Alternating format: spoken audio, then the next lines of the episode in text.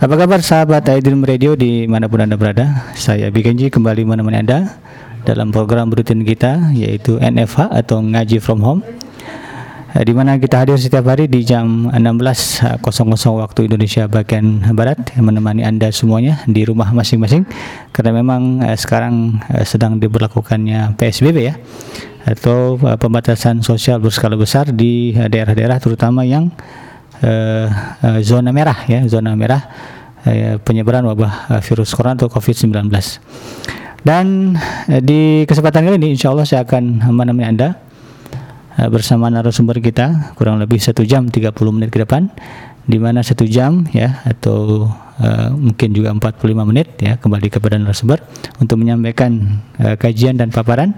Lalu nanti sisa waktunya kita akan uh, coba untuk uh, melayani berbagai pertanyaan dari sahabat hadirin sekalian uh, untuk kita sampaikan dan dibahas oleh narasumber kita.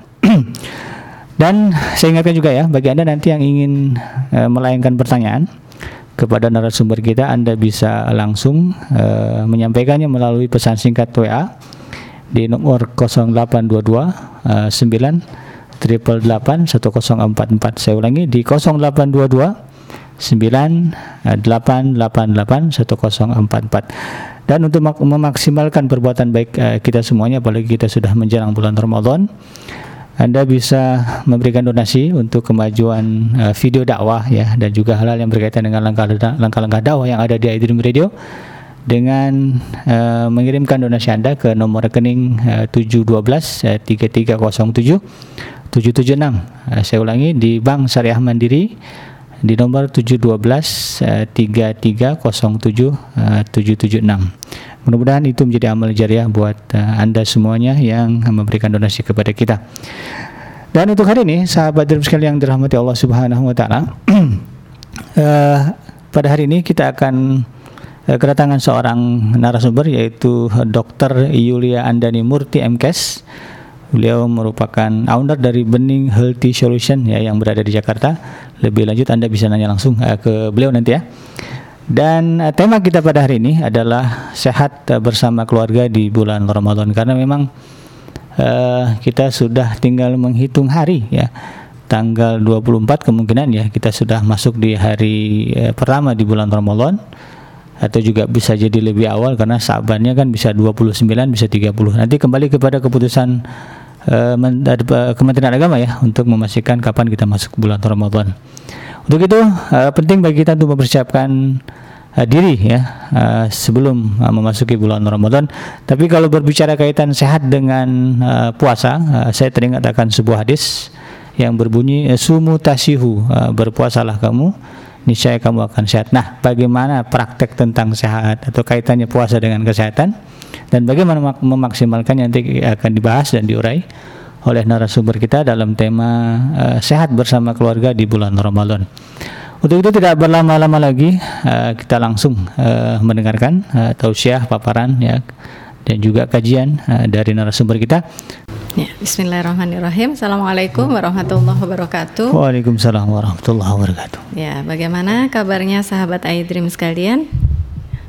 Mudah-mudahan semuanya sehat, dan berada di rumah bersama keluarga menyambut Ramadan yang enam hari lagi akan datang. Amin amin amin insyaallah. Ramadan Mubarak, Ramadan penuh barokah yang sudah kita tunggu-tunggu sekian lama.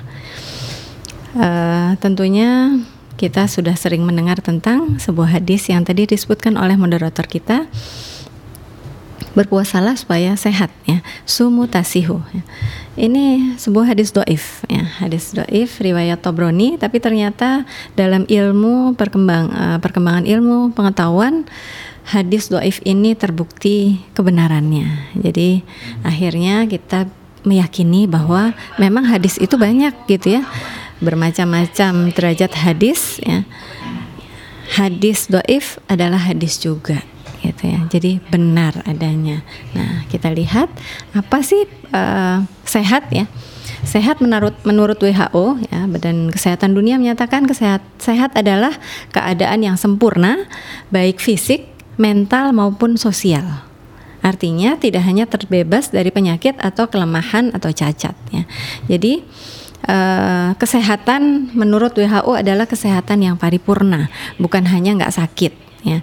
Jadi bukan hanya nggak demam ya, bukan hanya misalnya dikatakan nggak punya kaki itu dikatakan nggak sehat, bukan ya. Tapi kesehatan yang sempurna baik fisik, mental maupun sosial ya. Jadi kesehatan yang paripurna secara fisik dia tidak sakit ya, secara motorik dia bisa bergerak dengan baik ya. Dia nggak gampang lupa misalnya ya itu kesehatan fisik ya.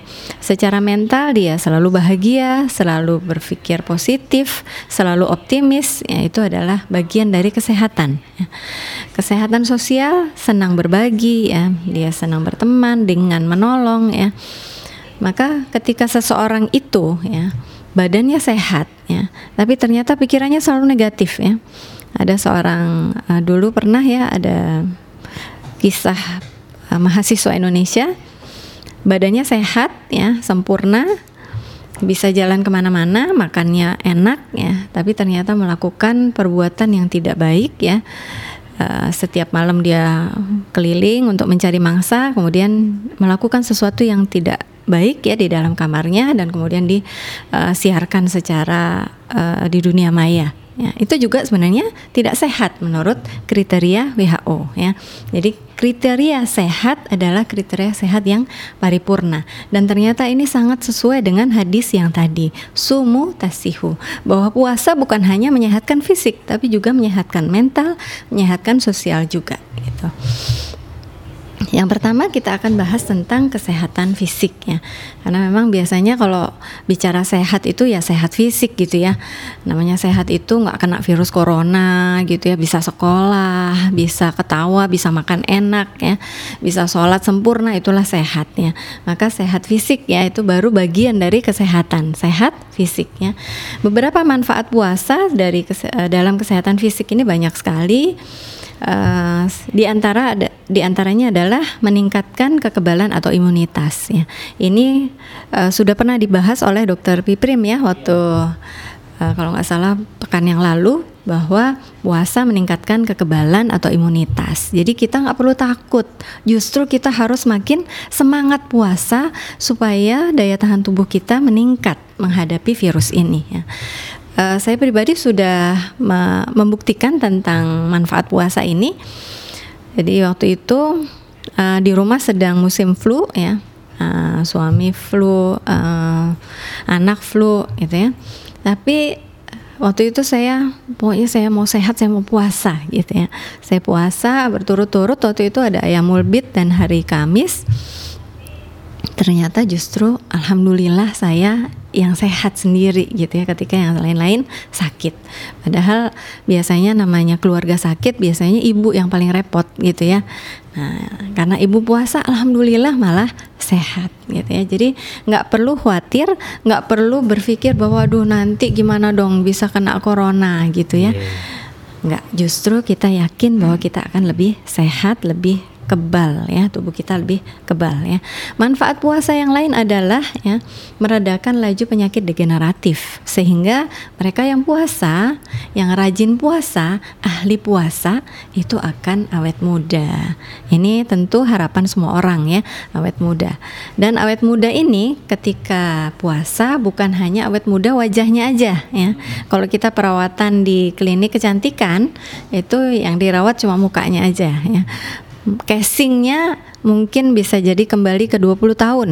Tapi ternyata begitu berdiri kelihatan lututnya 60 tahun gitu ya. Atau mungkin jantungnya 40 tahun gitu ya. Nah, puasa akan melaj, uh, meredakan laju penyakit degeneratif semuanya.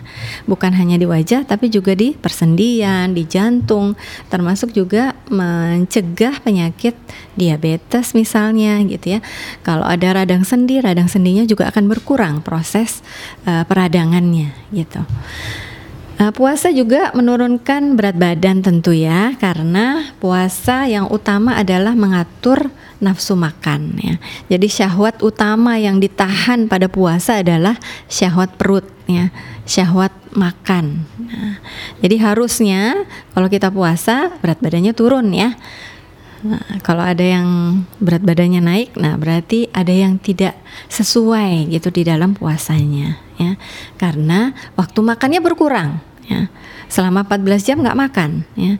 Kemudian porsi makannya harusnya berkurang juga, ya, supaya berat badannya bisa turun. Nah, yang lain manfaat puasa adalah merawat kesehatan pencernaan. Tentu saja ini terjadi karena ketika kita puasa kita istirahat mencerna, maka pencernaan kita lebih bersih ya, lebih tenang kerjanya, maka otomatis akan lebih sehat ya.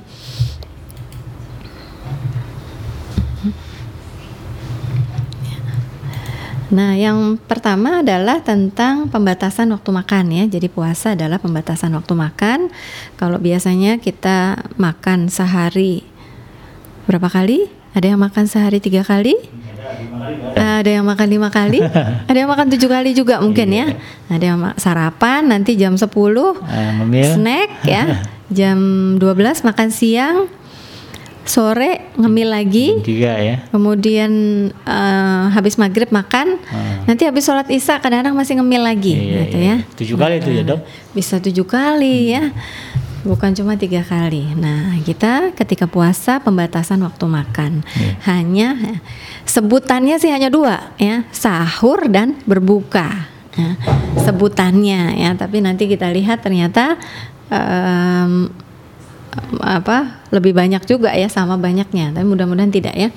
Kita lihat dalam hadis dikatakan sahur adalah uh, bersahurlah ya makan sahurlah karena di dalam sahur ada keberkahan yeah. walaupun hanya dengan seteguk air ya ini ya kita lihat hadisnya walaupun hanya dengan seteguk air ya jadi kita harus yakin dengan hadis ini bahwa sahur dengan seteguk air itu insya Allah keberkahannya membuat kita kuat puasa yeah. ya karena ini uh, hadis pernyataan dari Rasulullah Shallallahu Alaihi Wasallam yang fatonah sidik amanah gitu ya kecerdasannya teruji kebenarannya teruji ya kemudian uh, amanah juga ya. jadi sahur dengan seteguk air insya Allah kita bisa kuat ya hmm. bahkan uh, dengan ya sahur hanya dengan air itu bisa membantu proses fagositosis ya yang bisa meningkatkan daya tahan tubuh itu kalau puasanya tuh 17 jam ya. Jadi kalau 14 jam itu masih kurang. Nah, kalau bisa 17 jam ya, dengan mengurangi porsi sahur ya. itu lebih baik lagi proses uh, meningkatkan imunitasnya gitu. Berbuka juga demikian ya. Umatku selalu dalam kebaikan selama dia menyegerakan berbuka ya apa dengan apa? Rasulullah menyunahkan berbuka puasa itu dengan rutop ya. Rutop itu kurma yang masih segar ya. E, banyak airnya kadar gulanya lebih rendah daripada yang kedua ya. Yang kedua adalah tamer tamer adalah kurma kering ya. Kurma kering ini kadar airnya lebih sedikit karena memang sudah dikeringkan sudah diawetkan dan kadar gulanya lebih tinggi ya. Nah pada ketiganya, prioritas ketiganya adalah dengan seteguk air lagi, dengan air lagi. Jadi artinya memang air itu luar biasa ya. Kita berbuka puasa dengan air pun sebetulnya cukup ya.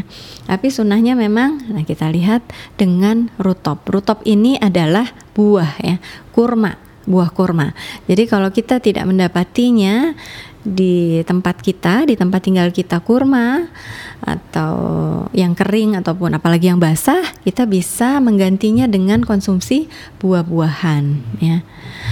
Karena buah ya, buah ini atau golongan kurma ini adalah makanan yang tidak diproses. Jadi sebetulnya makanan ini semakin tidak diproses, semakin mudah dicerna oleh pencernaan kita. Karena pencernaan kita kan habis istirahat tuh 14 jam lamanya. Ya. Begitu buka puasa jangan lupa ya jangan langsung digaspol gitu ya. Wah kan lapar nih habis puasa habis nggak makan. Jadi karena lapar banget langsung makan nasi padang misalnya gitu ya. Nah ini pencernaan kita kaget ya. Kita kembalilah kepada sunnah uh, Nabi Shallallahu Alaihi Wasallam yang kita cintai makan rutop ya kalau nggak ada rutop kita makan buah ya uh, setelah sholat ya barulah kita makan menu-menu uh, lain yang lebih uh, lengkap untuk keperluan makan malam ya. Nah ini sebuah fakta yang dikatakan fakta yang memprihatinkan ya. Uh, Indonesia menempati uh, juara dua nih Indonesia untuk sampah makanan terbanyak di dunia. Ya. Yang pertama di Saudi, ya Saudi mungkin kita maklum lah ya, yeah. uh, semua orang ada di sana ya, dari segala penjuru dunia ada di sana, maka sampah makanannya memang juara satu gitu ya. Hmm. Indonesia juara dua, Masya. emang Indonesia ada siapa gitu ya? Uh, wisatawan nggak banyak ya, tapi juara dua ya. Jadi artinya orang Indonesia ini banyak sekali menghasilkan sampah makanan baik itu sampah makanan makanan yang tidak habis ataupun uh, dari pengolahan uh, makanan ya. hmm. ya itu yang lebih memprihatinkan adalah ini tahun lalu ada data yang menyebutkan bahwa sampah makanan di Jakarta selama bulan Ramadan meningkat 2 sampai 3 kali lipat. Hmm. Oh, luar biasa ya. Berarti ada sesuatu yang salah di sana. Padahal kaidah makan menurut Nabi, ini menurut Al-Quran bahkan ya, makan itu bukan hanya halalan toyibah ya.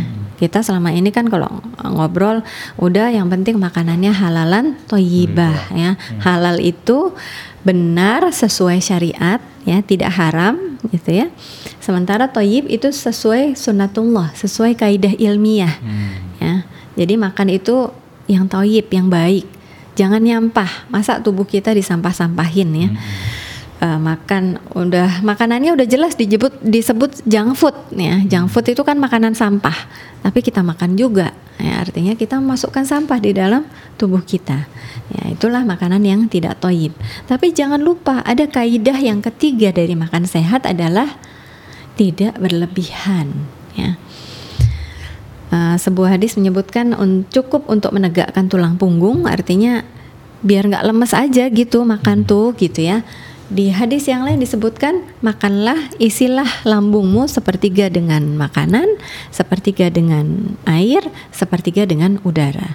Jadi bayangkan uh, lambung itu kurang lebih 1 sampai 2 liter gitu ya. Kalau kita isi sepertiganya dengan makanan, kalau makanannya satu piring penuh itu sudah hampir penuh ya. Jadi kalau ngisinya sepertiga sebenarnya sepertiga piring cukup makanya hadisnya itu kan sunnahnya ya kalau makan tuh rame-rame gitu ya berdua atau bertiga ya satu piring.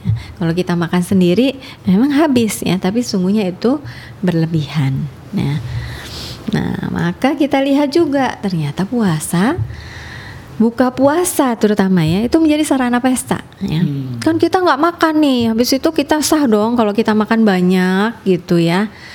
Jadi bertanyalah pada ibu-ibu ibu-ibu tuh biasanya kalau ketika puasa dia akan berpikir nanti sore kita buka puasanya pakai apa ya? Hmm. takjilnya apa ya? Hmm, bosen. Ah masa tiap hari cuman minum teh manis hmm. sama apa? Pisang goreng gitu ya? Nah udah deh hari ini kalau gitu kita bikin kolak. Kolak apa? Kolak pisang ya. Hmm. besok lagi apa? Kita besok bikin es campur ya. Besok lagi bikin apa? Kolang kaling. Besok lagi bikin es buah, uh, buah gitu ya. Nah, belum lagi takjilnya. Mikir, oh hari ini bikin uh, pai susu misalnya dan seterusnya ya. Itu makanan yang sehari-hari nggak kita makan setiap hari hmm. gitu ya. Kalau kita sehari-hari paling bikin es campur itu paling seminggu sekali juga belum tentu ya. Nah, ketika puasa hampir setiap hari itu menjadi konsumsi harian. Ya. Belum lagi ya, belum selesai pikiran soal takjil, ibu-ibu juga akan berpikir nanti malam kita makan apa ya, menunya apa ya, rawon kali ya, sama apa ya gitu. Nah, udah selesai nih, belum sambil nyuci piring, ibu sambil berpikir besok pagi sahurnya apa ya, gitu ya. Nah, belum lagi, uh, untung kita lagi corona nih ya, untung ya. Kalau enggak, kita akan punya agenda bukber ya. Ntar buka puasa sama siapa? siapa gitu ya. Nah, artinya apa? Kalau udah buka puasa sama siapa, ya, nanti makanannya akan lebih seru lagi ya. Hmm. Perginya ke restoran mana ya. Jadi puasa itu seolah-olah menjadi sarana pesta harian ya, yang kalau kita sehari-hari nggak puasa nggak uh, ya pesta itu paling akhir pekan aja gitu ya. Tapi puasa justru setiap hari jadi pesta, pesta karena itu tadi buka puasa bersama. Nah, ini yang kita perlu kembalikan ke sunnah Nabi. Bagaimana sih ya Rasulullah ya menjalani sahur dan buka puasa ya. Ternyata itu tadi kembali yang tadi sahur itu berkah, bersahurlah meskipun hanya seteguk air. Jadi sahur ini ini banyak pertanyaan ya. Biasanya, Dok, kalau habis sahur itu ngantuk ya padahal kita kan pengen tadarusan ya pengen tilawah pengen zikir-zikiran yang panjang, tapi habis sahur tuh ngantuk banget ya. Nah, kita perlu mengevaluasi makanan sahur kita. Jangan-jangan makanan sahur kita yang bikin kita ngantuk ya, kebanyakan karbohidrat ya kebanyakan karbohidrat yang membuat uh, tubuh kita harus mengolah sedemikian rupa sehingga jadi ngantuk ya. Jadi uh, sahur ini secukupnya perbanyak protein dan uh, sayur ya serat ya. Bisa dari sayuran bisa dari buah ya. Tapi intinya perbanyak protein dan uh, sayuran kurangi uh, karbohidrat ya. Jadi kurangi nasi gitu ya dikurangi nasinya karena sebenarnya itu sumber yang bikin kita ngantuk di pagi hari padahal hmm. pagi itu kan waktunya kita uh, turun rahmat ya turun berkah ya uh, di pagi hari nah, supaya nggak ngantuk uh, atur uh, porsi sahur dengan tepat ya Uh, kalau udah makan nasi, jangan minum teh manis lagi ya. Teh manisnya nanti aja disimpan untuk buka puasa. Ketika sahur, hindari yang manis-manis, nasi aja cukup ya karbonya. Kemudian buka puasa bagaimana? Ya, buka puasa kita atur takjilnya yang ringan-ringan dengan buah ya. Hindari yang berat ya, yang manis-manis, gorengan itu singkirin dulu ya. Nanti habis sholat maghrib baru dikonsumsi yang itu ya. Nah, kemudian di masa-masa sahur jangan fokus pada makanan saja. Jangan sibuk makan aja ya. Karena di masa sahur adalah masa-masa yang uh, penuh barokah ya. Kita berbanyak istighfar ya. Ketika buka puasa juga jangan sibuk dengan makanan aja ya. Kita berbanyak doa ya. Jadi uh, dalam masa puasa kita rancang nih nanti buka puasa makannya apa ya doanya apa ya gitu ya. Jangan jangan hanya berpikir soal makanan tapi juga nanti kita doa apa ya ketika berbuka puasa ya. Doa keluarga ya. Berharap keluarganya seperti apa ya. Berharap nanti kakak yang pertama seperti apa ya. Berharap nanti adik hafal Qurannya kapan misalnya seperti itu ya.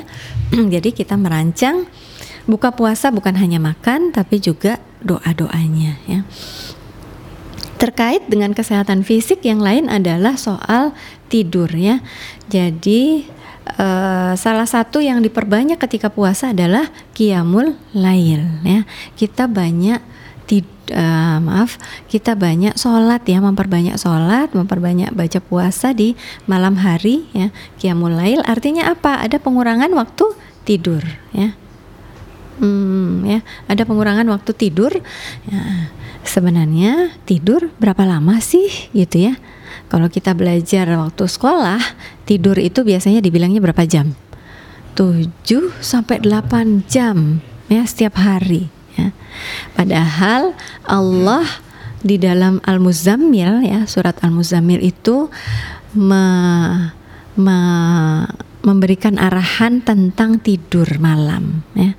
Apa? Ya ayyuhal muzammil ya orang-orang yang bersimut kumil laila illa qalila. Bangunlah pada malam hari kecuali sedikit ya. Jadi yang sedikit apanya? Bangunnya atau tidurnya? Tidurnya, ya. Jadi yang sedikit tidurnya ya. Di ayat itu lanjutannya adalah nisfahu ya. Wingkus minhu qalila ya. Jadi udah deh nggak usah ambil ayat selanjutnya itu ya. Ambil yang nisfahu aja ya. Setengah malam aja ya. Sungguhnya setengah malam dari 8 jam adalah 4 jam ya. Jadi kita tidur 4 jam sebetulnya cukup. Menurut Al-Quran loh ini ya. Bukan kata saya ya. Menurut Al-Quran 4 jam cukup ya. Yang penting tidurnya berkualitas. Dengan cara apa kita tidur berkualitas ya? Yang pertama matikan lampu. Hmm. Ya. Ya, Jadi ya. matikan lampu ini sunnah ya. Sunnah Nabi ya sebelum tidur matikan lampu tutup bejana-bejana ya karena ternyata bejana yang terbuka itu adalah potensi besar uh, tumbuhnya wabah penyakit ya, hmm. ya di bejana yang tidak tertutup ya. Yeah. Iya. Jadi sebelum tidur jangan lupa ibu-ibu, anak-anak gadis ya. Bapak-bapak juga ya, hmm. kalau ibunya ternyata ketiduran, bapak-bapak cek juga tuh. Mana nih makanan yang belum ditutup ya, segera ditutup supaya wabahnya nggak mampir di situ ya. Kemudian matikan lampu ya karena ternyata mematikan lampu ini mengaktifkan hormon melatonin. Melatonin ini adalah uh, zat hormon yang bisa membantu tubuh kita lebih nyenyak tidur, lebih rileks ya. Yang dengan rileks itu ya dalam kondisi tidur tubuh kita melakukan reparasi. Jadi tubuhnya yang rusak-rusak diganti ya. Yang sudah mau uh, pingsan dihidupin lagi hmm, gitu ya yeah, ketika yeah. Tidur. Maka kita perlu tidur yang berkualitas, matikan lampu. Kalau nggak bisa mati lampu gimana? Paling nggak mati uh, lampunya diredupkan ya hmm. supaya tidak terlalu terang, terang ya. Kemudian yang lain ya matikan lampu, matikan juga gadgetnya ya. Jangan tidur di samping gadget, jangan tidur bersama gadget. Hmm. Ya, karena gadget ini apalagi kalau dia masih hidup ya uh, dia mengeluarkan apa radiasi. gelombang hmm. ya gelombang-gelombang radiasi ya kan dia terus tuh nyari sinyal gitu ya buktinya kita tidur dia masih tang ting tung tang ting tung gitu yeah. ya iya. masih ada eh, pesan-pesan uh, masuk ya artinya ada gelombang-gelombang yang uh, masih hidup ya mengganggu gelombang otak kita yang sedang tidur ya. Jadi gelombang otak eh otak kita juga ada gelombangnya ya. Yang namanya gelombang kan ada interferensi gitu ya, ada perpaduan gelombang ya. Kalau dia diganggu maka tidurnya akan terganggu juga kualitas tidurnya akan berkurang ya. Yeah. Maka tidurnya jadi nggak nyenyak gitu ya. Yang lain lagi uh, alarm ya ternyata alarm ini menurut ahli tidur ya pakar-pakar tidur ya alarm kalau kita bangun dengan alarm itu merusak kualitas tidur Terus bangunnya gimana dong ya? Bangunnya minta sama Allah gitu ya. Sebelum tidur kita minta sama Allah supaya dibangunkan. Misalnya kita mau bangun jam 4, minta sama Allah ya. Mau jam bangun jam 3, minta sama Allah ya. Makanya sebelum tidur kita relaksasi dengan banyak berzikir ya. Kita berzikir ya. Uh, zikir tidur itu banyak sekali ya jadi kalau kita susah tidur itu nggak akan habis tuh zikir uh, zikir tidur ya. Hmm. Mau baca surat apa Al-Fatihah, baca ayat kursi ya, baca kulhu dan sebagainya ya sampai surat Al-Mulk dan sebagainya ya. Jadi banyak sekali zikir sebelum tidur ya. Kalau nggak bisa nggak hafal nih, banyakin istighfar aja gitu ya. Banyak istighfar ya. Mudah-mudahan itu bisa memudahkan kita untuk tidur ya.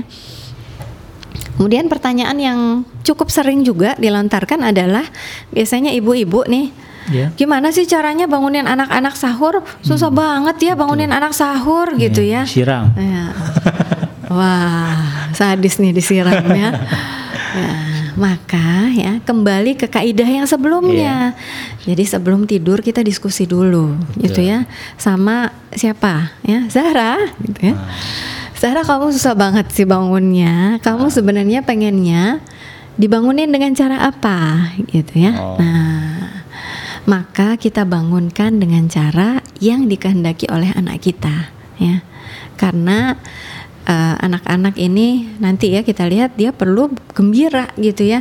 Maka ikutin gitu ya dia maunya dibangunkan dengan cara apa hmm. ya mungkin ada yang pengen digelitikin kakinya ya hmm. mungkin ada yang pengen didengerin musik atau murotal apa gitu ya hmm. nah itulah dengan cara yang dia kehendaki ya nih untuk mendengarkan suara hatinya sehingga dia bisa bahagia. Iya. Ya, kemudian yang kedua adalah sehat mental ya, kesehatan mental. Tadi kesehatan fisik, maka yang berikutnya adalah kesehatan mental. Sehat mental itu kuncinya ada di syukur ya. Maka kalau kita bersyukur, Allah berjanji Allah akan menambah nikmat yang sudah yang sudah Allah berikan. Ya. Nikmat itu bentuknya nggak mesti uang ya. Dia juga nikmat bisa bangun sholat malam. Dia juga nikmat bisa baca Quran nikmat ya menikmati baca Quran. Dia juga bisa, uh, nikmat bisa puasa ya. Maka kita perbanyak ya diskusi-diskusi untuk kesyukuran kita ya dengan keluarga kita dengan anak-anak ya untuk bahwa kita ini puasa masih bisa berbuka. Ada loh teman-teman, saudara-saudara kita di Palestina, yeah. mereka puasa tapi belum tentu bisa berbuka. Betul. Bahkan ada yang puasanya sahur tapi bukanya sudah di surga. Masya Allah. Masya Allah ya. Jadi uh, kita perbanyak ya cerita-cerita ya. ya. Memang seorang ibu tuh harus punya banyak stok cerita ya. Ceritanya jangan dongeng-dongeng kancil nyuri timun gitu ya. Itu uh, cerita-cerita fiksi yang nggak ada muatannya. Marilah kita bersama-sama sebagai ibu ini menggali kisah-kisah nabi yeah. yang heroik gitu ya yang luar biasa ya bagaimana makannya, bagaimana sahabat uh, mengatasi rasa laparnya, ya, bagaimana sahabat bercanda ya dan sebagainya. Ya, karena dengan itu anak-anak jadi ini ini bukan fiksi ya, tapi sungguh-sungguh terjadi di zaman Nabi Shallallahu Alaihi Wasallam ya puasa kita masih bisa berbuka puasa kita di rumah yang nyaman adem gitu ya. Nggak ada bom rumahnya jendelanya rapet bahkan mungkin ada AC-nya gitu yeah. ya.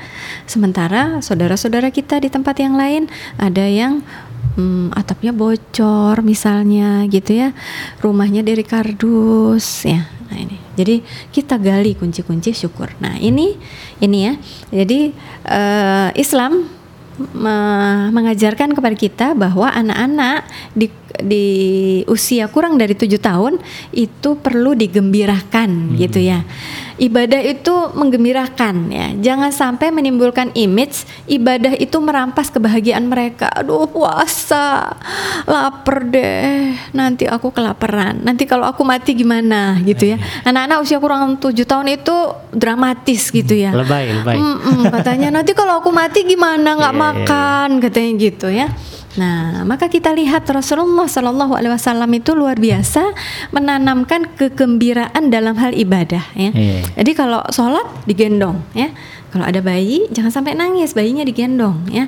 Kalau bayinya atau anaknya sudah agak besar jadi balita, nah, kalau ini kurang dari tujuh tahun, dia main kuda-kudaan naik di atas punggung Rasulullah, diladenin ya, diem di situ uh, sujudnya lama ya, nggak pakai dimarahin ya.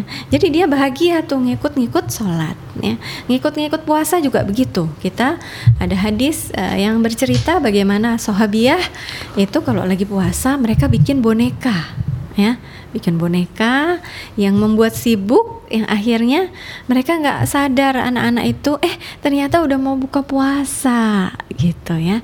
Jadi kurang dari tujuh tahun adalah masa-masa anak-anak kita gembirakan dalam hal ibadah. Lebih dari tujuh tahun diajak ya ayo kita puasa ya puasanya boleh deh setengah hari tapi sudah mulai diajak ya. Lebih dari 10 tahun baru perintah ya atau biasanya 10 tahun ini sudah mulai siap-siap masuk masa balik ya. Udah mulai ada perintahnya. Hati-hati ya kalau nggak puasa nanti nah ada kita baru bicara tentang dosa ya. Tapi kalau 7 tahun ini 7 sampai 10 tahun kita cerita tentang pahala ya supaya dia gembira ya. Maka uh, rencanakan aktivitas Ramadan kita ya. Kita bikin lomba misalnya nih ya. Siapa nanti yang baca Qur'annya paling banyak hadiahnya dapat mukena baru misalnya ya. Atau misalnya dapat reward ya. Nanti yang puasanya penuh uh, dapat es krim buka puasanya habis sholat isya habis sholat hmm. raweh puasanya penuh dapat es krim misalnya ya gitu. Ya jadi kita rencanakan aktivitas-aktivitas Ramadan itu bersama-sama dengan lomba-lomba ya kita buat reward ya supaya anak-anak bahagia melaksanakan aktivitas Ramadan ini. Termasuk kita ya. Kita juga perlu membuat akti uh, rencana aktivitas ya dan kita buat reward untuk diri kita sendiri ya. Hmm. misalnya saya kalau bisa hatam lima kali nanti mau jalan-jalan ke Bali misalnya gitu. Oh jauh banget ya, lagi nggak boleh corona. Nggak usah deh, nggak usah jalan-jalan ke Bali. Misalnya saya kalau bisa hatam lima kali, saya mau beli kue tart yang besar kan habis puasa ya. Nah ya, jadi sekali-sekali ya kita uh, buat reward untuk keluarga kita ya bukan hanya untuk anak-anak tapi juga untuk diri kita sendiri yeah. supaya kita semangat nih Ramadan ya yang ketiga adalah kesehatan sosial ya. Maka bulan Ramadan adalah bulan berbagi ya. Di mana pahalanya ya, berlipat ganda. Jadi kalau kita uh, sebelum masuk bulan Ramadan rencanakan aktivitas sosial kita ya. Ada misalnya ya yang punya celengan Ramadan ya. Celengan Ramadan ini begitu Ramadan selesai, celengan Ramadannya sudah ada bulan Syawal nih. Hmm. Gitu ya. Jadi ditabung di situ ya. Dia nabung setiap hari atau mungkin sepekan sekali ya, disisihkan dari uang jajannya atau mungkin uang lebarannya ya. Uang lebaran kan banyak banyak tuh dapatnya. Langsung dimasukin ke celengan Ramadan ya Ramadannya kan masih lama nggak apa-apa kita nabungnya 11 bulan ya kita bikin ya menabung 11 bulan untuk sedekah di bulan Ramadan, Ramadan ya. ya nanti kita sedekahnya bisa wah ternyata dapatnya banyak kita bisa beli selimut baru untuk saudara kita di panti asuhan hmm, misalnya gitu ya. atau ya hal-hal lain ya. Karena 11 bulan ini nanti kelihatan banget nilainya ya besarnya itu akan terasa ya atau juga kita rencanakan aktivitas sosial yang lain ya. Aktivitas sosial ini bukan hanya di luar rumah, juga di dalam rumah. Kita saling membantu di dalam rumah ya. Nanti siapa yang bangun tidurnya selalu tempat tidurnya rapi, dia dapat bintang gitu ya. Nanti kalau bisa ngumpulin bintang, nanti uh, serat uh, akan dapat uh, hadiah gitu hmm. ya. Juga berbagi makanan untuk berbuka puasa ya. Ini bisa kita lakukan langsung, tapi dengan kondisi seperti ini, ketika kita melakukan physical distancing, uh, makanan berbuka puasa bisa kita bagi dalam bentuk yang kita bisa modifikasi, ya, hmm. ya, supaya tidak ketemu langsung ya, yeah, iya, apalagi yeah, yeah. Uh, dengan anak-anak ya, kita bisa pakai media uh, media sosial atau menyalurkannya di lembaga-lembaga sosial yang yeah. sudah ada, ya. Maka Ketika itu semua kita lakukan, ya, maka kita akan menyatakan hore ya Ramadan tiba ya. Maka ini saatnya untuk memulihkan kesehatan paripurna untuk keluarga kita ya. Bersama-sama kita melaksanakan ibadah Ramadan di masa wabah ini. Ya. Ya, jadi wabah ini disebutkan wabah adalah rahmat bagi mukmin ya. Hmm. Yang Syaratnya dua, mukmin ini harus sabar, sabar, wahtisaban. Kalimatnya sama. Ramadan juga begitu.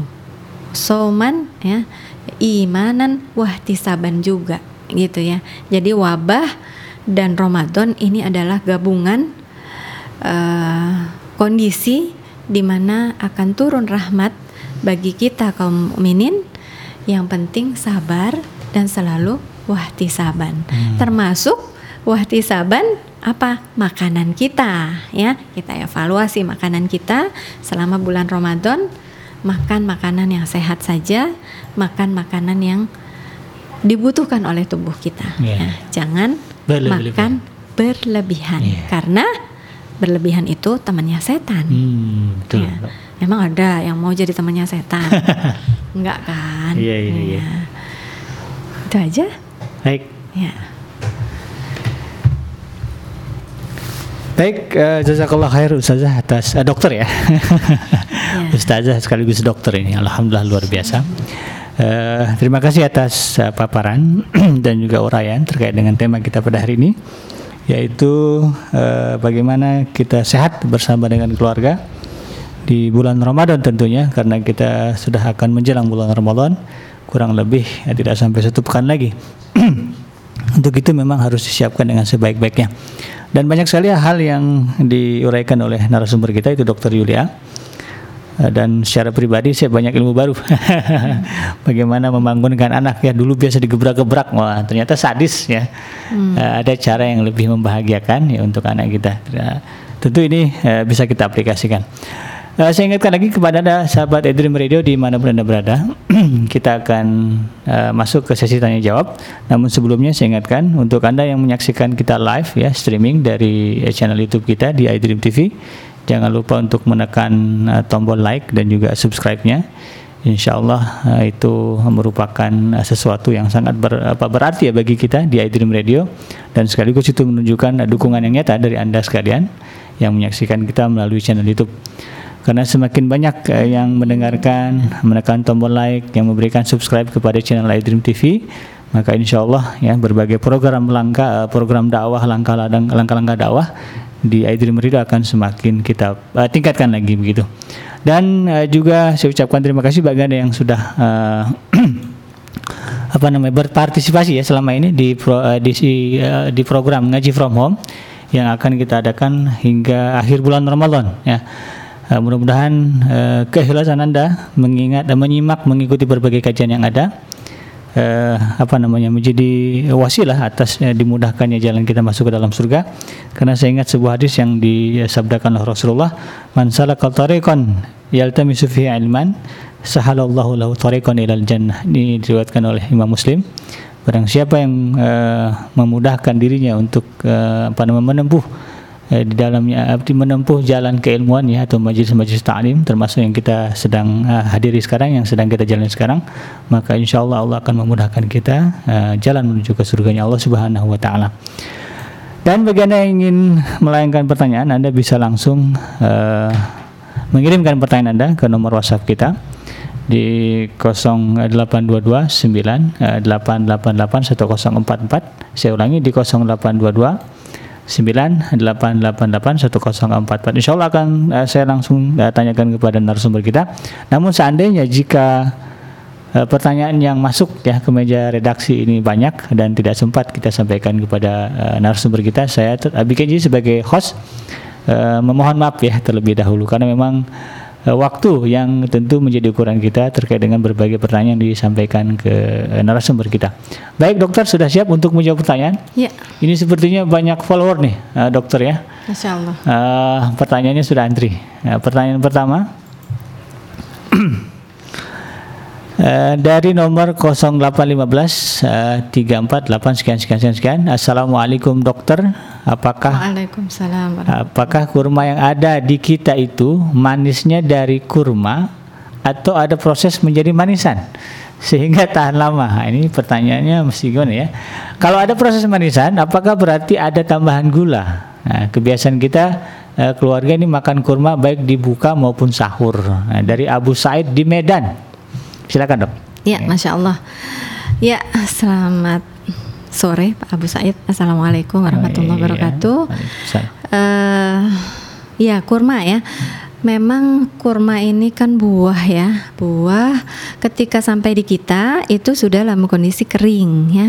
Uh, hadisnya itu memang menyebutkan berbuka puasalah dengan rutop ya Nabi itu berbuka puasa dengan rutop kurma segar kalau nggak ada tamar nah tamar inilah kurma kering ya hmm. kurma yang dikeringkan yeah. jadi bukan hanya sekarang ada kurma kering dari zaman Nabi juga udah ada tuh kurma kering hmm. ya. yeah, yeah, yeah. nah kurmanya memang prosesnya dikeringkan saja gitu ya jadi nggak dikasih gula karena kalau dikasih gula nanti jadi manisan hmm, kayak manisan yang kita beli di itu ya. Manisan apa?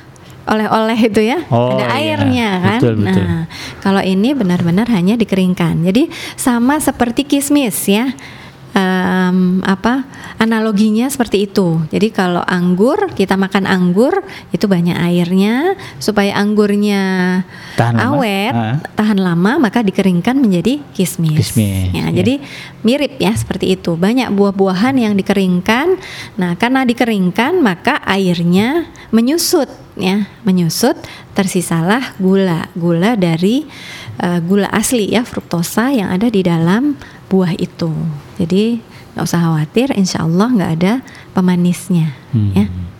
Jadi yang dikhawatirkan ada gulanya dok Ada ya. gulanya, Ah, ya. Maksudnya gula buatan gitu ya. Gula buatan. Jadi pada kurma gula- tidak ada ya? Gula insya Allah tidak ada. Eh, maaf kurma insya Allah nggak ada. Oke dok, eh, ini pertanyaan dari saya sebetulnya. Mm-mm.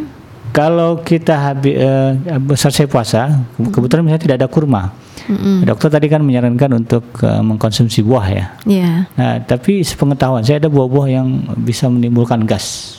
Oh iya. Nah, seperti nangka, duren dan sebagainya. Ya, heeh. Saya pernah sakit itu gara-gara makan nangka gitu. Nah, kira-kira menurut dokter seperti apa? Boleh atau tidak sih?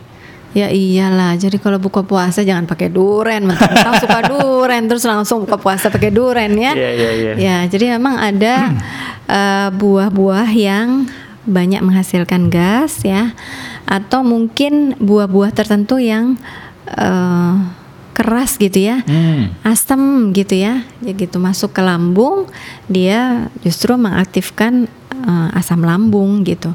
Jadi kita pilih buah-buahan yang netral. Misalnya kalau di negeri kita ini kan banyak sekali pilihan buah ya. Iya, negara tropis. Ada pepaya ya, pepaya ini sepanjang musim ada. Pisang sepanjang musim juga ada. Kita mau pisang hari ini bosan pisang yang manis, besok yang agak asam dikit ada gitu ya. Ada pisang yang agak sepet ada gitu ya. Jadi pisang macam-macam ya. Ada juga alpukat ya. Sekarang lagi musim alpukat juga ya. Bisa ya. Atau buah yang lain mangga ya, mangga, juga ya. bisa ya. Jadi banyak buah-buahan yang kita uh, melon ya, buah-buah potong, melon, semangka ini juga bisa kita konsumsi. Ya, Oke. jadi pilihannya banyak. Ya, jadi kalau yang bergas hindari lah ya. Iya, yang bergas Tapi yang selain yang bergas banyak banget ya. Iya, Nah, lebih apalagi banyak yang aman daripada yang tidak aman. Iya, apalagi kita negara tropis dan eh, karena kemajuan transportasi buah apa pun bisa kita didapati ya di Iya, negara kita. betul. Eh, terima kasih dokter atas eh, jawabannya. Mudah-mudahan ini bisa memuaskan pertanyaan dari saudara siapa tadi di Medan ya. Eh, Oh ya, banyak duren di Medan. ya. Pantesan pertanyaannya duren ya. Oke, baik dok, kita eh, lanjutkan nih eh, pertanyaan eh, berikutnya. Ini dari Ahi ya, Ahi Devian di Purwodadi. Eh, Assalamualaikum, Eh, izin bertanya. Saya Inggit, oh Inggit, maaf namanya, Inggit dari Grobogan. Oh, inggit. Ya. Waktu efektif untuk berolahraga Hmm.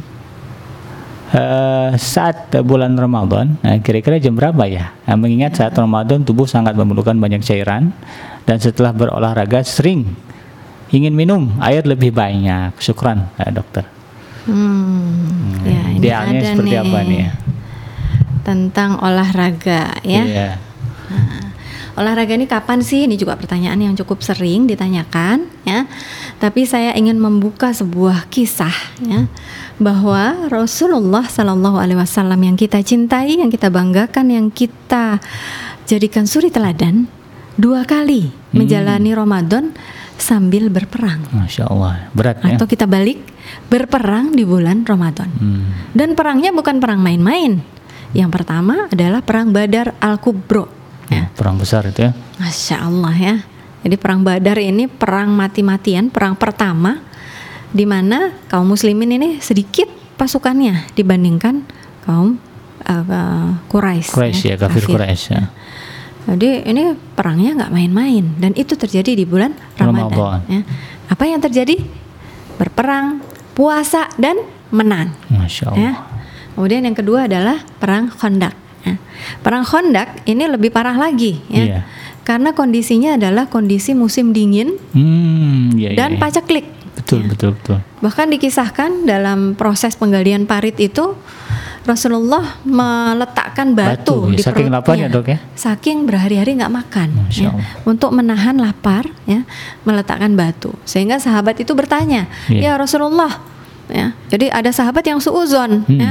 Ya Rasulullah, kita semuanya lapar kok Rasulullah perutnya gendut sendiri sih gitu nyantai, ya. nyantai gitu ya. Ah, terus kemudian Rasulullah tersenyum, kemudian membuka pakaiannya, menunjukkan batu. Ya. Hmm. Kemudian sahabat itu menangis, ya Allah, ternyata kita sama-sama lapar. Hmm, Masya Allah.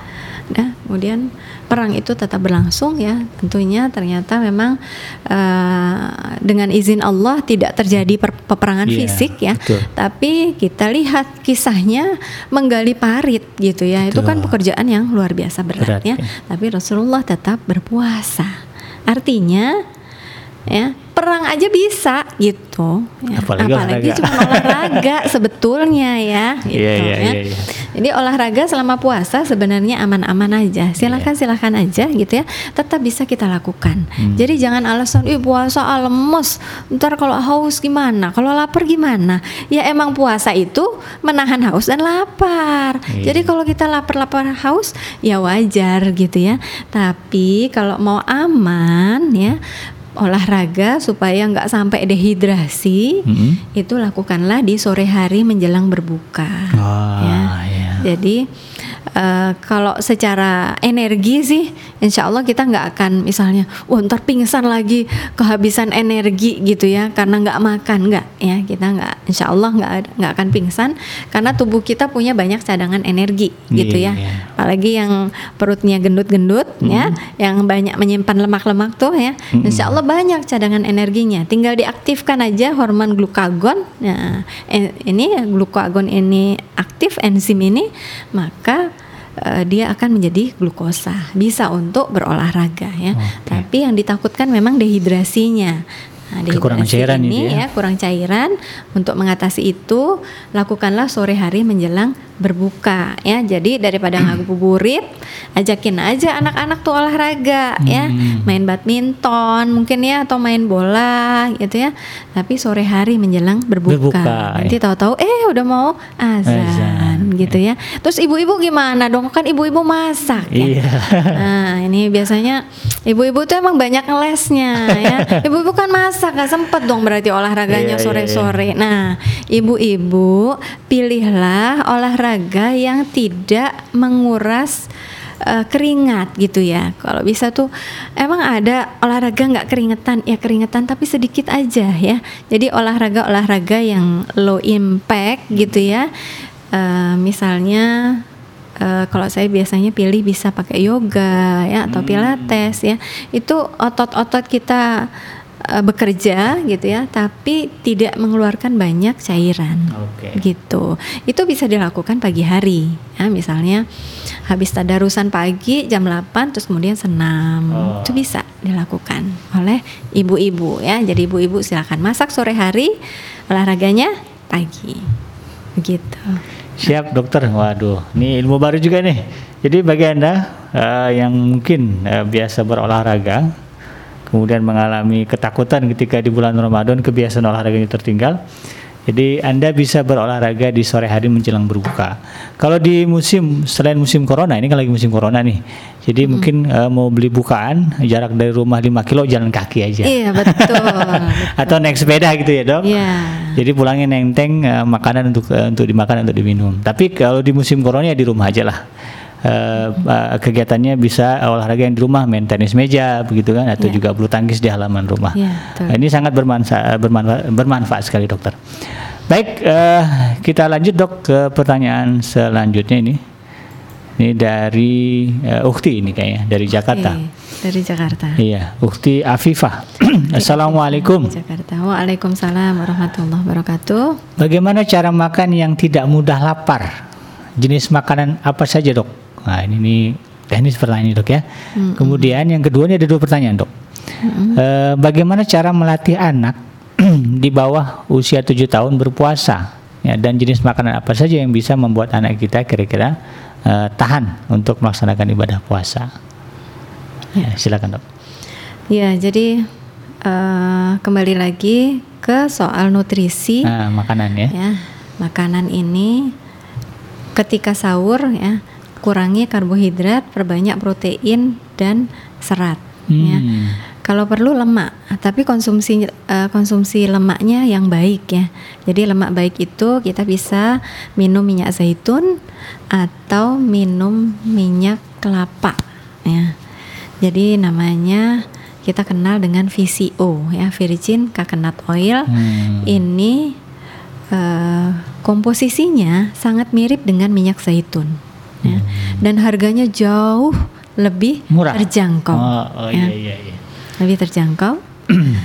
Terus kalau kita beli minyak VCO ini, hmm. insya Allah kita juga memberdayakan petani-petani lokal, Betul, ya. kelapa ya. Kelapa, hmm. karena kelapa banyak sekali terdapat di Indonesia. negeri kita, ya, ya, karena kita adalah negeri dengan pantai terpanjang betul, di dunia, ya. maritim. Ya. Tentu kelapanya juga banyak, ya. Kita bisa mengkonsumsi minyak kelapa ini, VCO ini, ketika sahur.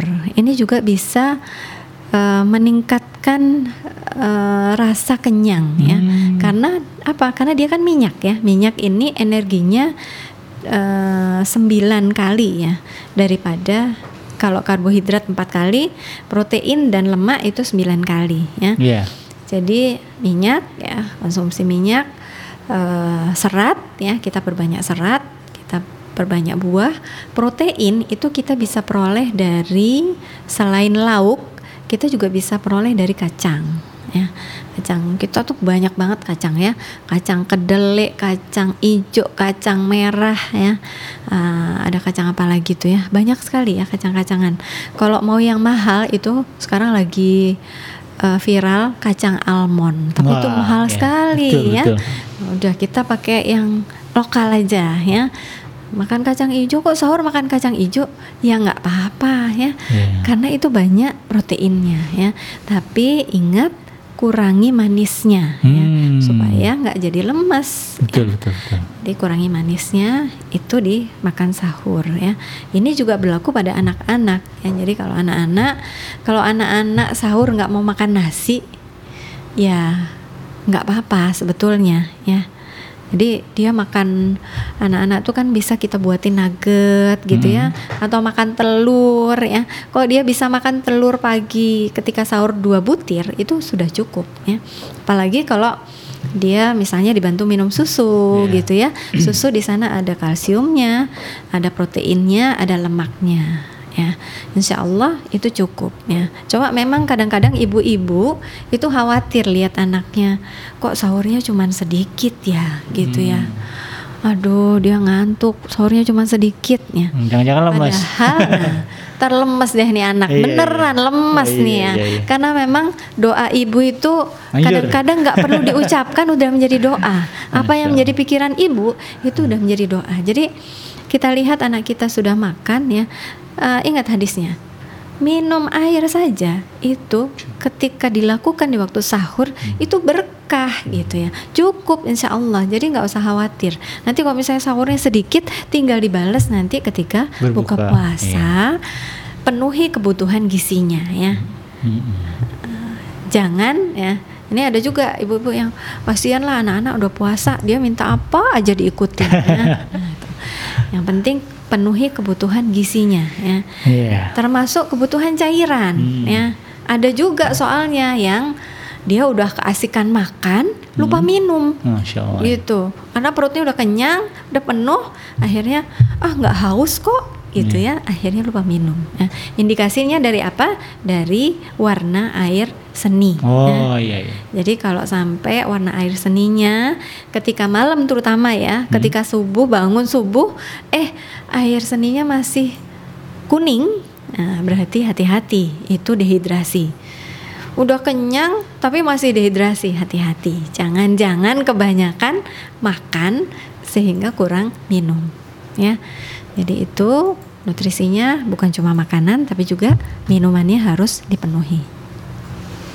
Oke. Okay. Eh, apalagi tadi ya? Uh, melatihnya dok. Oh ngelatih. Hmm, enak di uh, usia tujuh tahun tuh kan agak-agak susah. Hmm. Nah itu kira-kira melatihnya gimana? Ada nggak tips yeah. dari dokter pribadi gitu loh? tips ya. Hmm. Sebenarnya tadi udah ditulis ya nah. bagaimana uh. soal makanannya, kemudian menggembirakan anak hmm. ya, kita kasih reward ya. Memang biasanya itu kita mengenali masa-masa kritis ya. Anak-anak itu ada masa kritisnya. biasanya masa kritisnya itu sebelum uh, siang tuh, sebelum zuhur tuh biasanya dia rewel. Lapar-laparnya tuh di jam itu. Apalagi kita mengenal masyarakat kita uh, puasa setengah hari biasanya ya. Nah, ntar teman-temannya puasa setengah hari, dia akan merasa bahwa kan teman aku udah mau buka puasa, aku juga mau dong buka puasa, gitu ya. Nah, ini ini masa kritisnya di situ. Kalau itu sudah terlampaui, biasanya nanti masa kritis terjadi lagi di masa setelah sholat asar. Ini juga biasanya lapar-laparnya.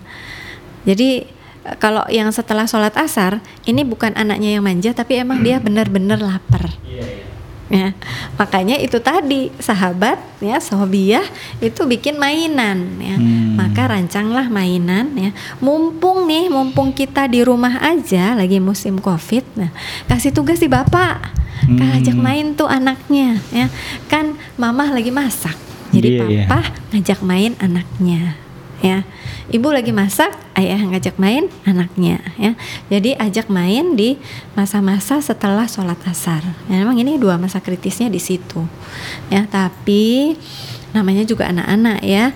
Kalau memang usia belum tujuh tahun, gembirakan. Kalau dia memang sudah kelihatannya lemes banget gitu ya, hmm, ya kasihlah gitu ya. Berbuka setengah hari, yeah. kemudian puasa lagi ya.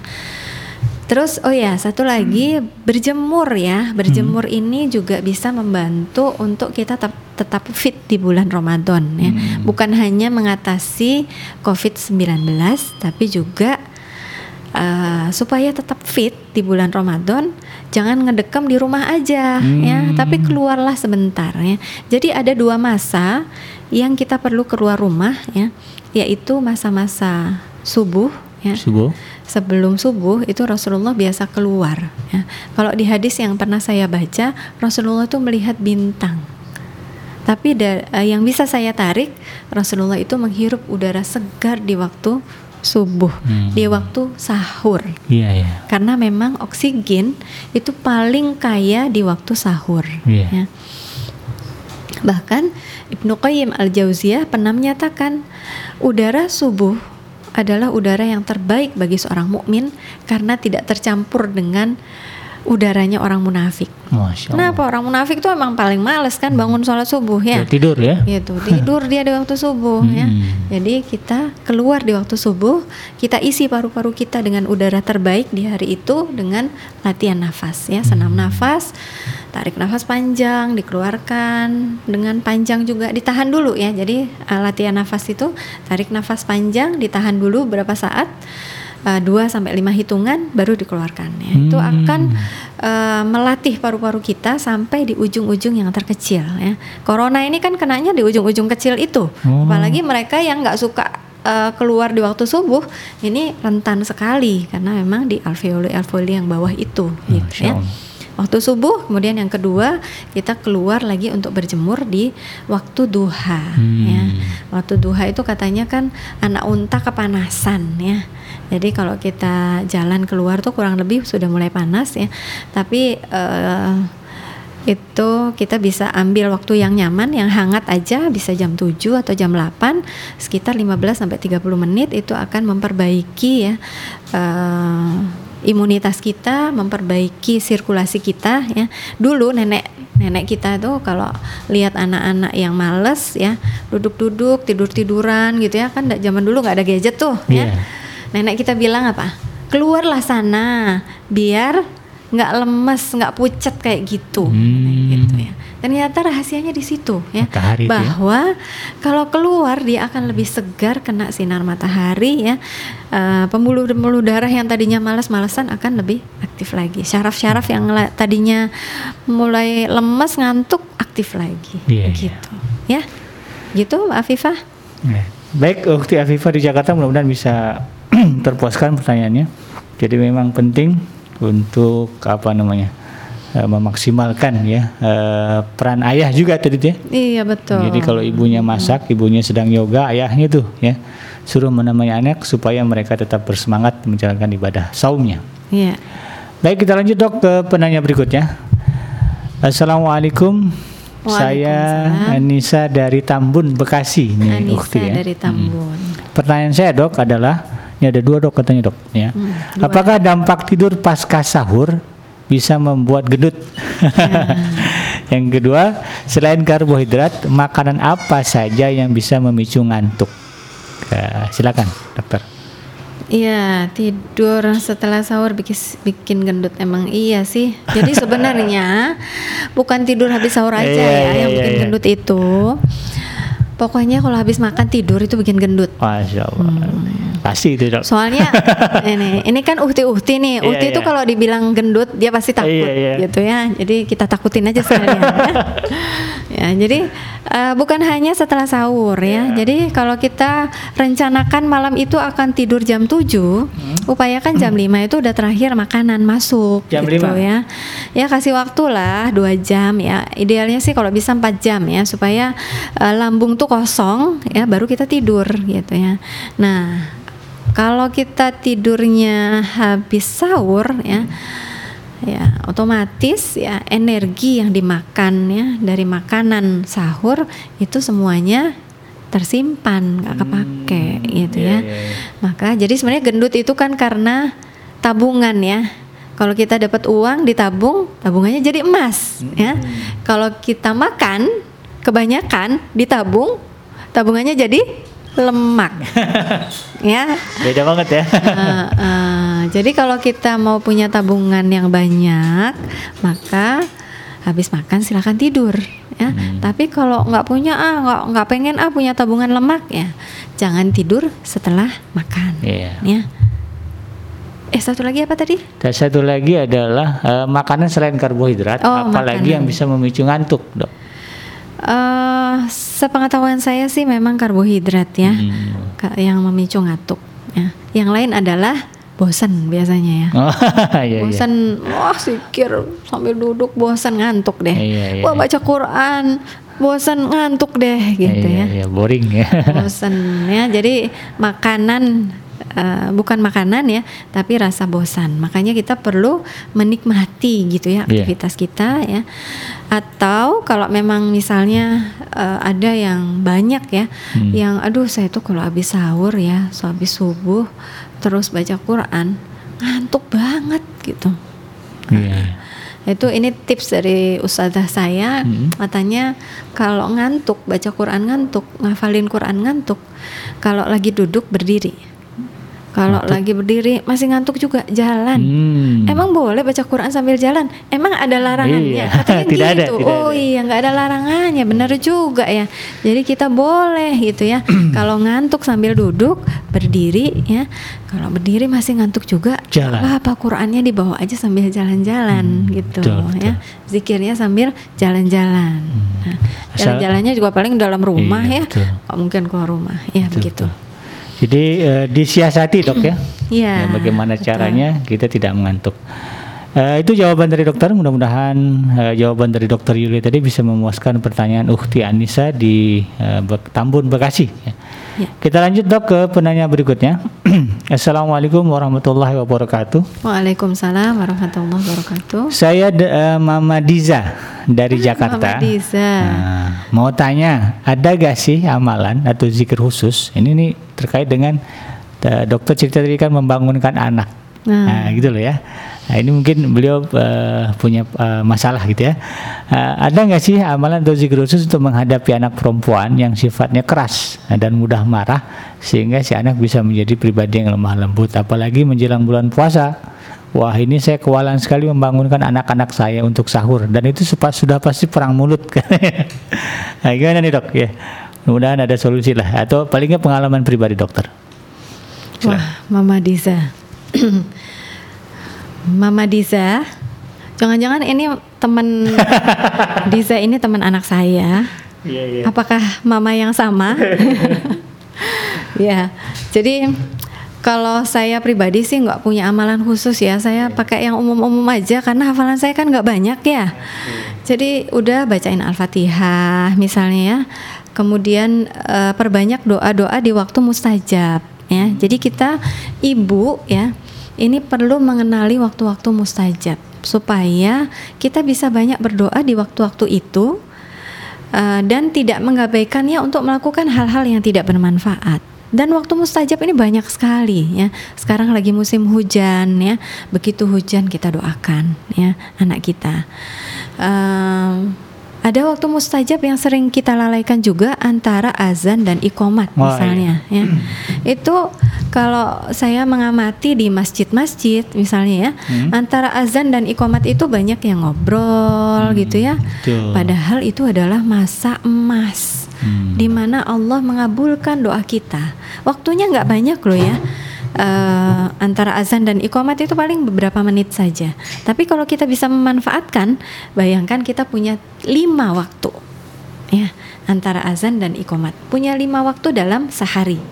Jadi waktu mustajab itu bukan cuma malam sepertiga malam terakhir, itu puncaknya. Ya, tapi kita punya banyak waktu-waktu yang lain.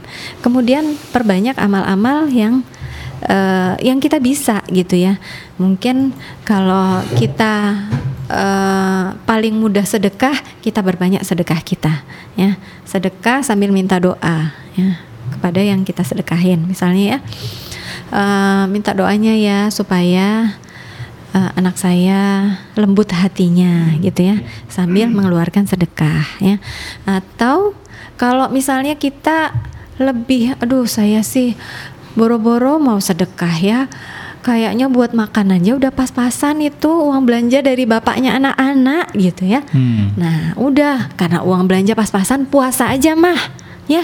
Hmm. Puasa ya. Doanya orang puasa itu makbul iya, ya. Mustajab, ya. Nggak nunggu nggak nunggu apa? Waktu azan hmm. seharian selama kita puasa Betul. itu doanya makbul. makbul. Jadi ketika puasa kita perbanyak doa untuk anak-anak kita. Nah, jadi puasanya ketika puasa makbul, ketika sahur makbul, ketika buku puasa ada lagi waktu yang mustajab. Jadi uh, secara pribadi saya nggak punya bacaan khusus meskipun saya sering baca sih ya. Ada hmm, kalau pengen anaknya begini doanya ini. Kalau pengen anaknya begitu doanya itu gitu ya.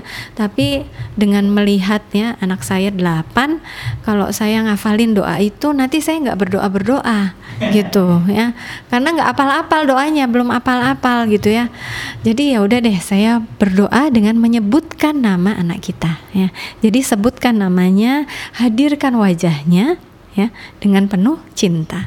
Insya Allah hati ketemu dengan hati. Ya, insya Allah hatinya akan menjadi lembut. Ya. Uh, terima kasih dokter dan mudah-mudahan uh, jawaban dari dokter Yulia tadi bisa memuaskan pertanyaan dari uh, Mama Diza ya. Mama Diza. Curiga ini, eh, jangan-jangan teman ya dok. iya jangan-jangan mamanya Diza. Iya, jadi memang lain. waktu uh, doa untuk uh, apa namanya, waktu yang mustajab untuk berdoa di bulan Ramadan ini Allah lipat gandakan banyak ya. Jadi banyak selain sekali, tadi waktu Uh, waktu-waktu sahur, waktu antara azan dan iqomah. Bagi ibu mungkin ya nggak mesti di masjid ya. Jadi begitu selesai dengar azan baca doa. Iya, nah, itu juga doa. merupakan waktu yang mustajab. Terima kasih dok. Kita lanjutkan lagi nih. Masih ada penanya. Assalamualaikum dokter. Waalaikumsalam warahmatullahi wabarakatuh. Apakah orang yang punya penyakit gangguan pencernaan dilarang memakan buah-buahan? Jika iya, uh, mengapa dok? Terima kasih dari Umi Afifah di Bandar Lampung. Iya, iya Umi Afifah Gimana Bandar Lampung? Aman. Sehat, aman ya. Mudah-mudahan aman ya. ya. Insya Allah aman ya. Krakatau aman juga ya di iya, Bandar Lampung ya. Iya, jadi gangguan pencernaan ini derajatnya banyak sekali ya. E, secara umum kalau makanan kita sehat, pencernaan kita juga akan sehat hmm. ya. Tapi kalau makanan kita kotor atau tidak sehat, maka pencernaan kita juga akan menjadi tidak sehat ya. Dan menyehatkan pencernaan itu murah. Mm-hmm. Ya. Murah ya. Murah ya. Ada orang kemarin saya lihat sebuah video ya. Video ini iklan sebuah minuman suplemen kesehatan mm. yang katanya bisa membersihkan usus ya. Oh iya. iya. Jadi videonya ini cerita tentang uh, nasi padang ya. Hmm. coba mau nggak makan nasi padang uh, pakai piring yang dicuci dengan air aja? Pasti nggak mau kan? Hmm. maunya dicucinya pakai sabun. Hmm. emang kita mau minum sabun? Gitu ya.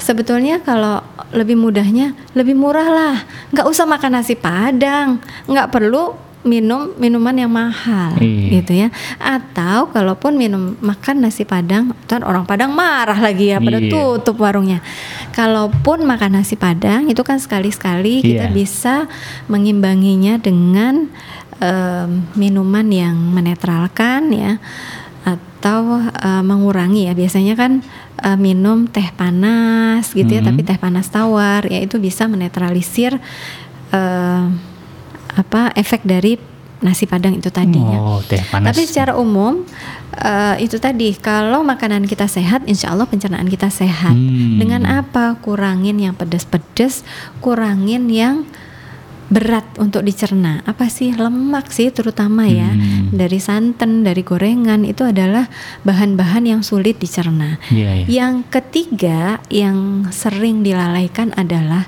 kunyah makanan dengan baik. Ya. Karena ternyata mengunyah makanan yang kurang ya itu membuat kita lambung kita bekerja lebih keras ya. Jadi organ pencernaan kita itu kan dimulai dari mana? Dari, mulut. Iya, dari ya. mulut ya. Dimulai dari mulut digigit ya. Siapa Hmm. yang menggigit? Gigi ya. Iya. Di gigi ya di balik gigi adalah uh, organ mulut itu sendiri ya digigit oleh gigi seri, dihancurkan oleh gigi taring, dilembutkan oleh gigi geraham. Iya. Nah, gigi geraham ini seperti ulekan sebenarnya ya, Hmm. menggiling ya.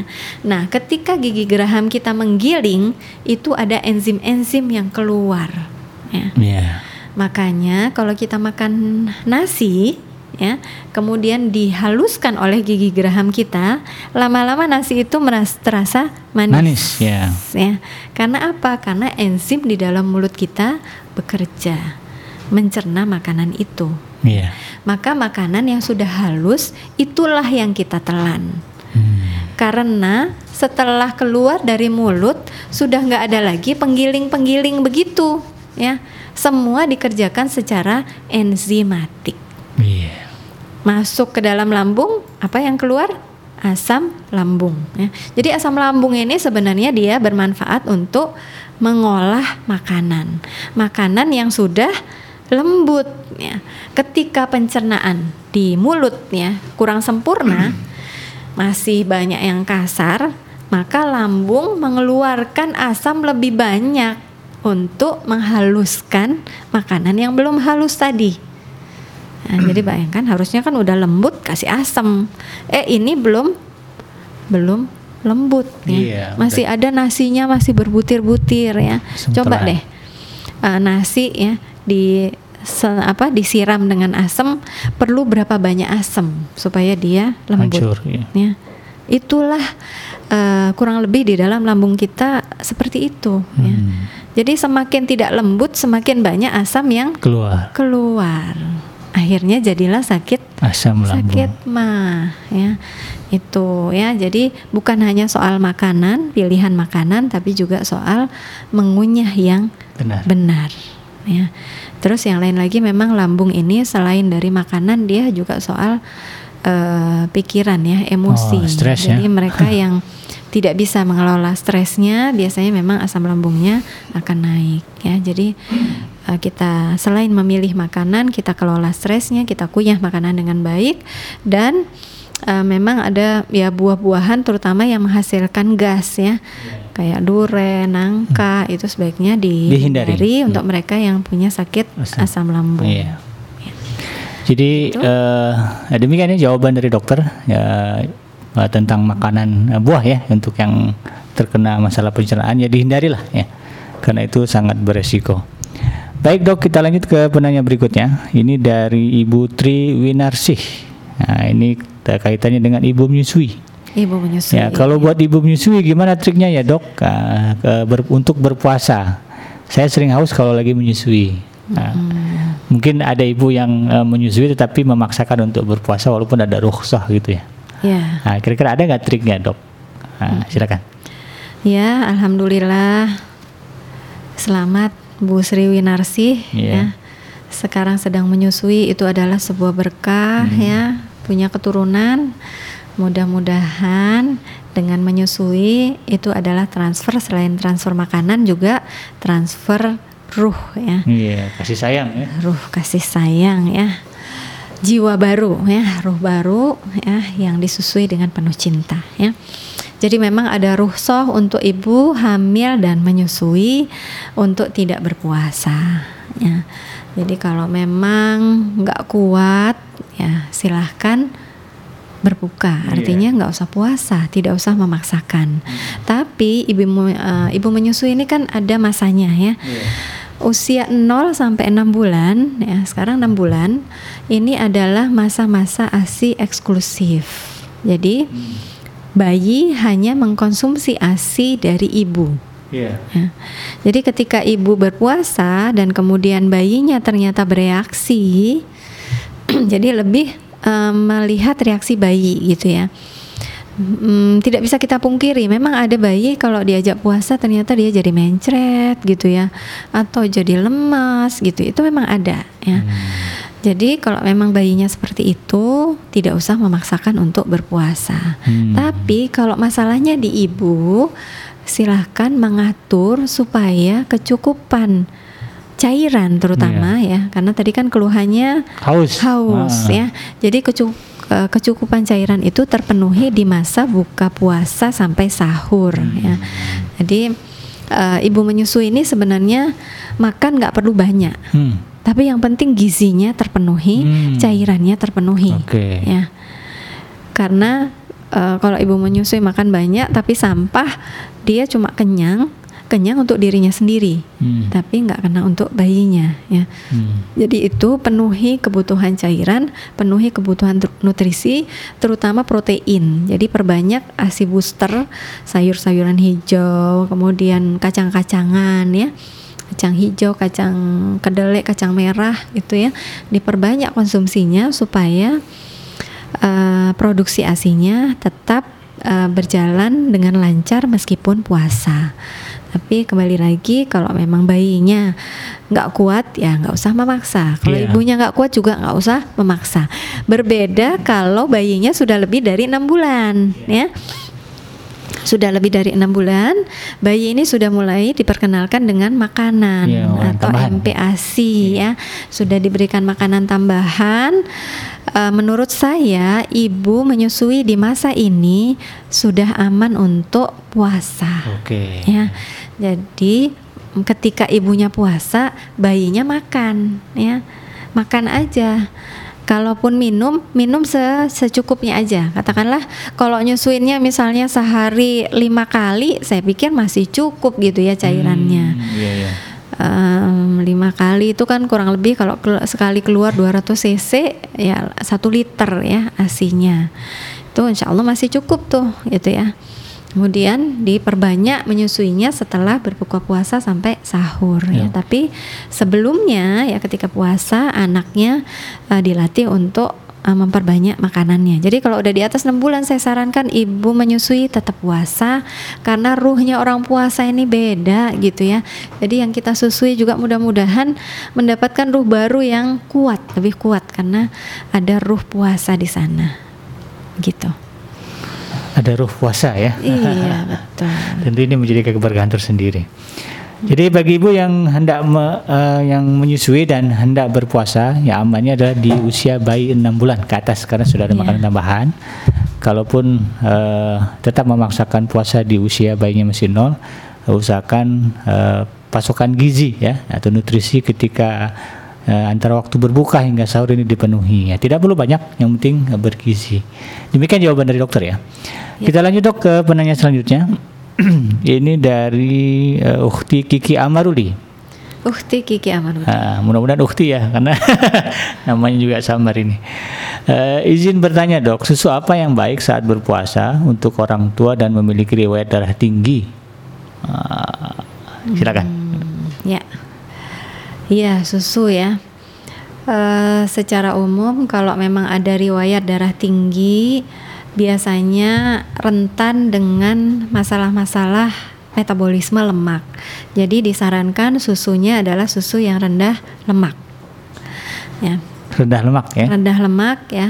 Biasanya eh, tinggi protein ya, tinggi protein rendah lemak. Iya. Itu aja sih kalau untuk Susu ya. susu ya. Ya, jadi yang rendah lemak yang Ah, dicari. Ya, jadi Kalau- jangan minum yang full cream ya. Hmm. Sebaiknya tidak minum yang full cream. Kalau ini pilihannya susu sapi segar, susu kambing segar, yang mana dok? Yang bagus? Ehm, ya, memang ada ini ya, ada yang membandingkan susu kambing dan susu sapi, Hmm. tapi eh, kurang lebih sebenarnya nutrisinya mirip ya mereka susu kambing, susu sapi, susu unta kan Nah, yang diminum iya. itu ya. Iya.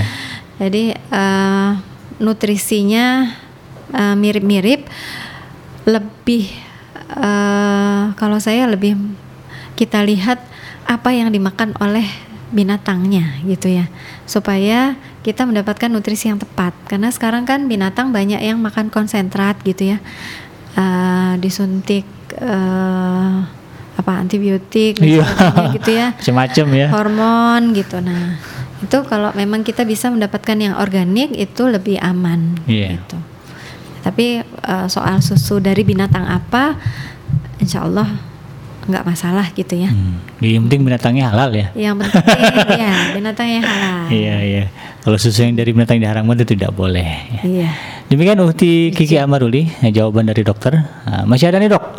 Masih eh, ada juga. oh iya nih. Sebetulnya banyak, cuman kita pilah dan kita Ah, pilih yang kira-kira sesuai dengan tema kita saja lah. Ya, yang milih moderator ya. iya, insya Allah. Dok. Ini mungkin pertanyaan terakhir yang bisa diajukan.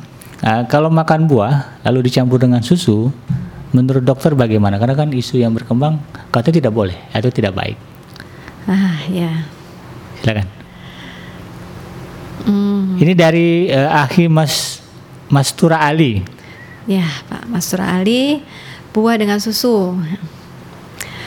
Eh, sampai sekarang saya belum menemukan menemukan nas ataupun literatur yang yang menyatakan bahwa kalau buah dicampur sama susu itu terjadi reaksi yang negatif. yang negatif Hmm. atau menimbulkan masalah kesehatan Iya, gitu iya, ya. iya.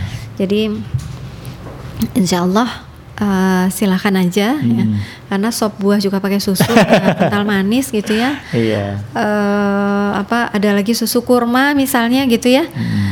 Eh, silakan aja dikonsumsi seperti itu. Yang kita perlu jaga sih terutama lebih di gulanya ya. Hmm, manisnya itu ya. Karena kalau eh, buah dicampur susu ditambah gula itu sebenarnya gulanya yang menjadi masalah Hmm. ya bukan susunya Iya. gitu. Jadi boleh. Jadi boleh ya. Ya, Nah, silakan. satu lagi dok ini terakhir nih kasihan ini orang ah, nanya. Assalamualaikum dokter. Waalaikumsalam warahmatullahi wabarakatuh. Bu dokter untuk puasa ini eh, kita kan perlu meningkat apa namanya dalam rangka meningkatkan imunitas tubuh. Nah kira-kira makanan apa eh, yang baik untuk anak dan orang eh, yang sudah dewasa atau lansia eh, dalam rangka membantu meningkatkan imunitas tubuh. Silakan dok.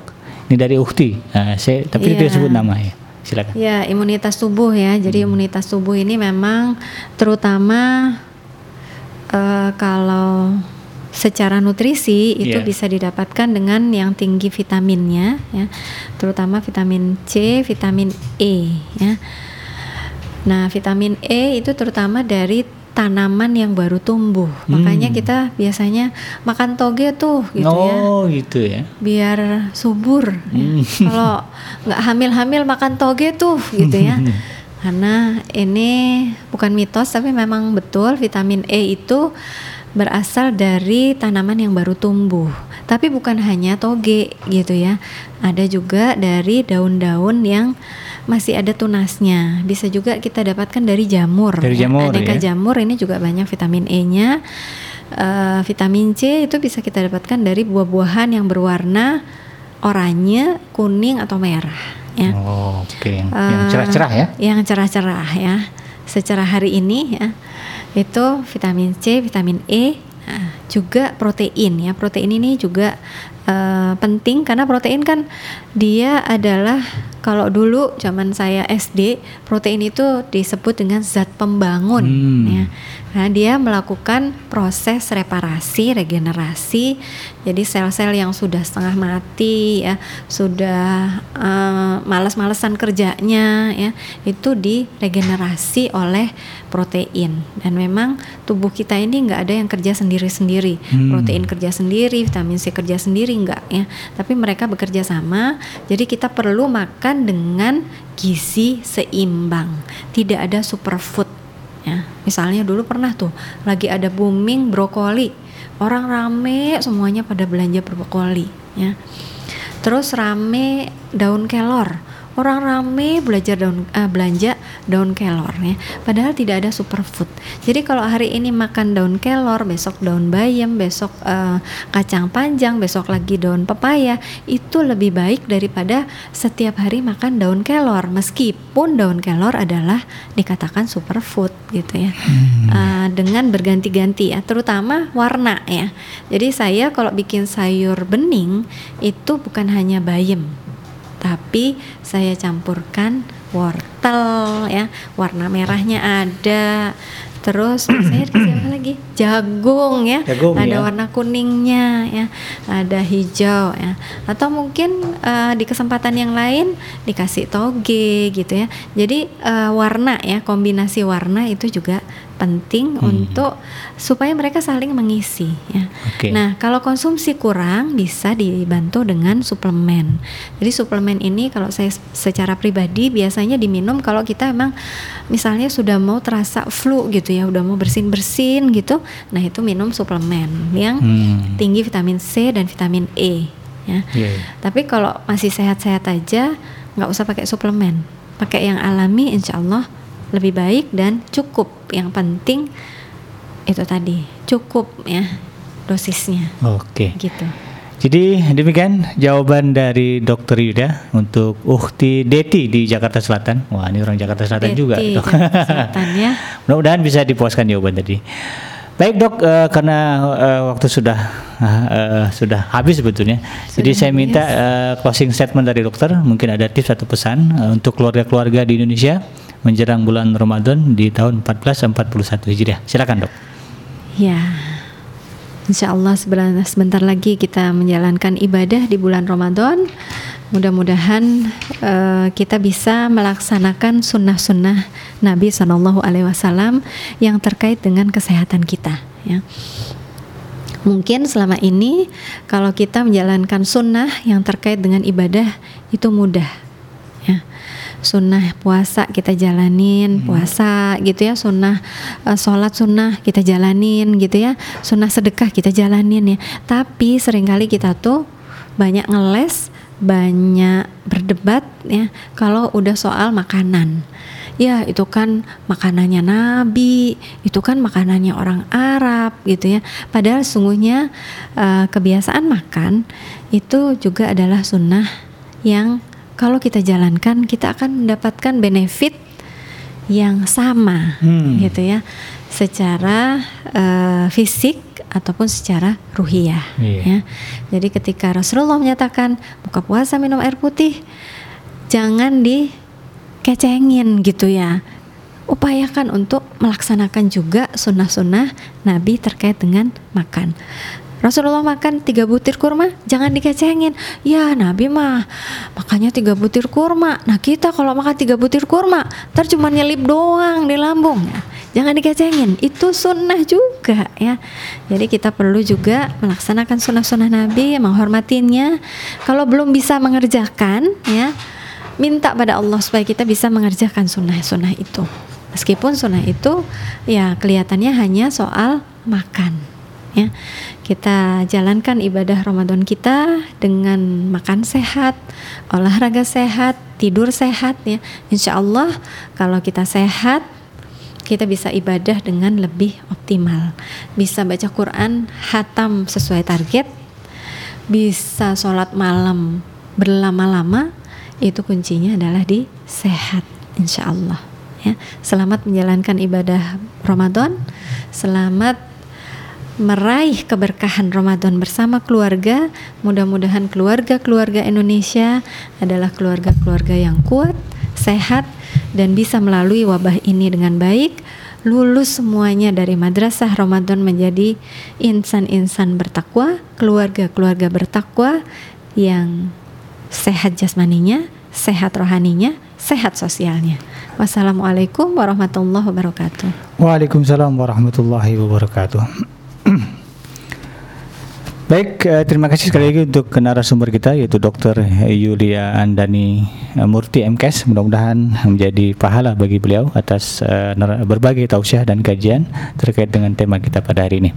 Baik, sahabat dan sekalian, kita sudah berada di ujung acara. Untuk itu uh, saya ingatkan sekali lagi bagi anda yang menyaksikan kita melalui tom, uh, melalui YouTube untuk uh, tidak lupa menekan tombol like dan juga sus, uh, subscribe karena itu merupakan bagian dari dukungan nyata anda untuk kemajuan iDream Radio dan juga iDream TV.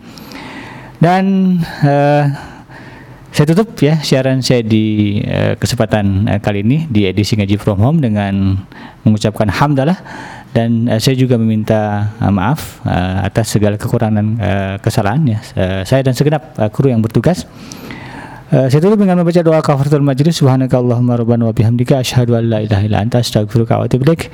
Billahi taufiq wal hidayah. Assalamualaikum warahmatullahi wabarakatuh.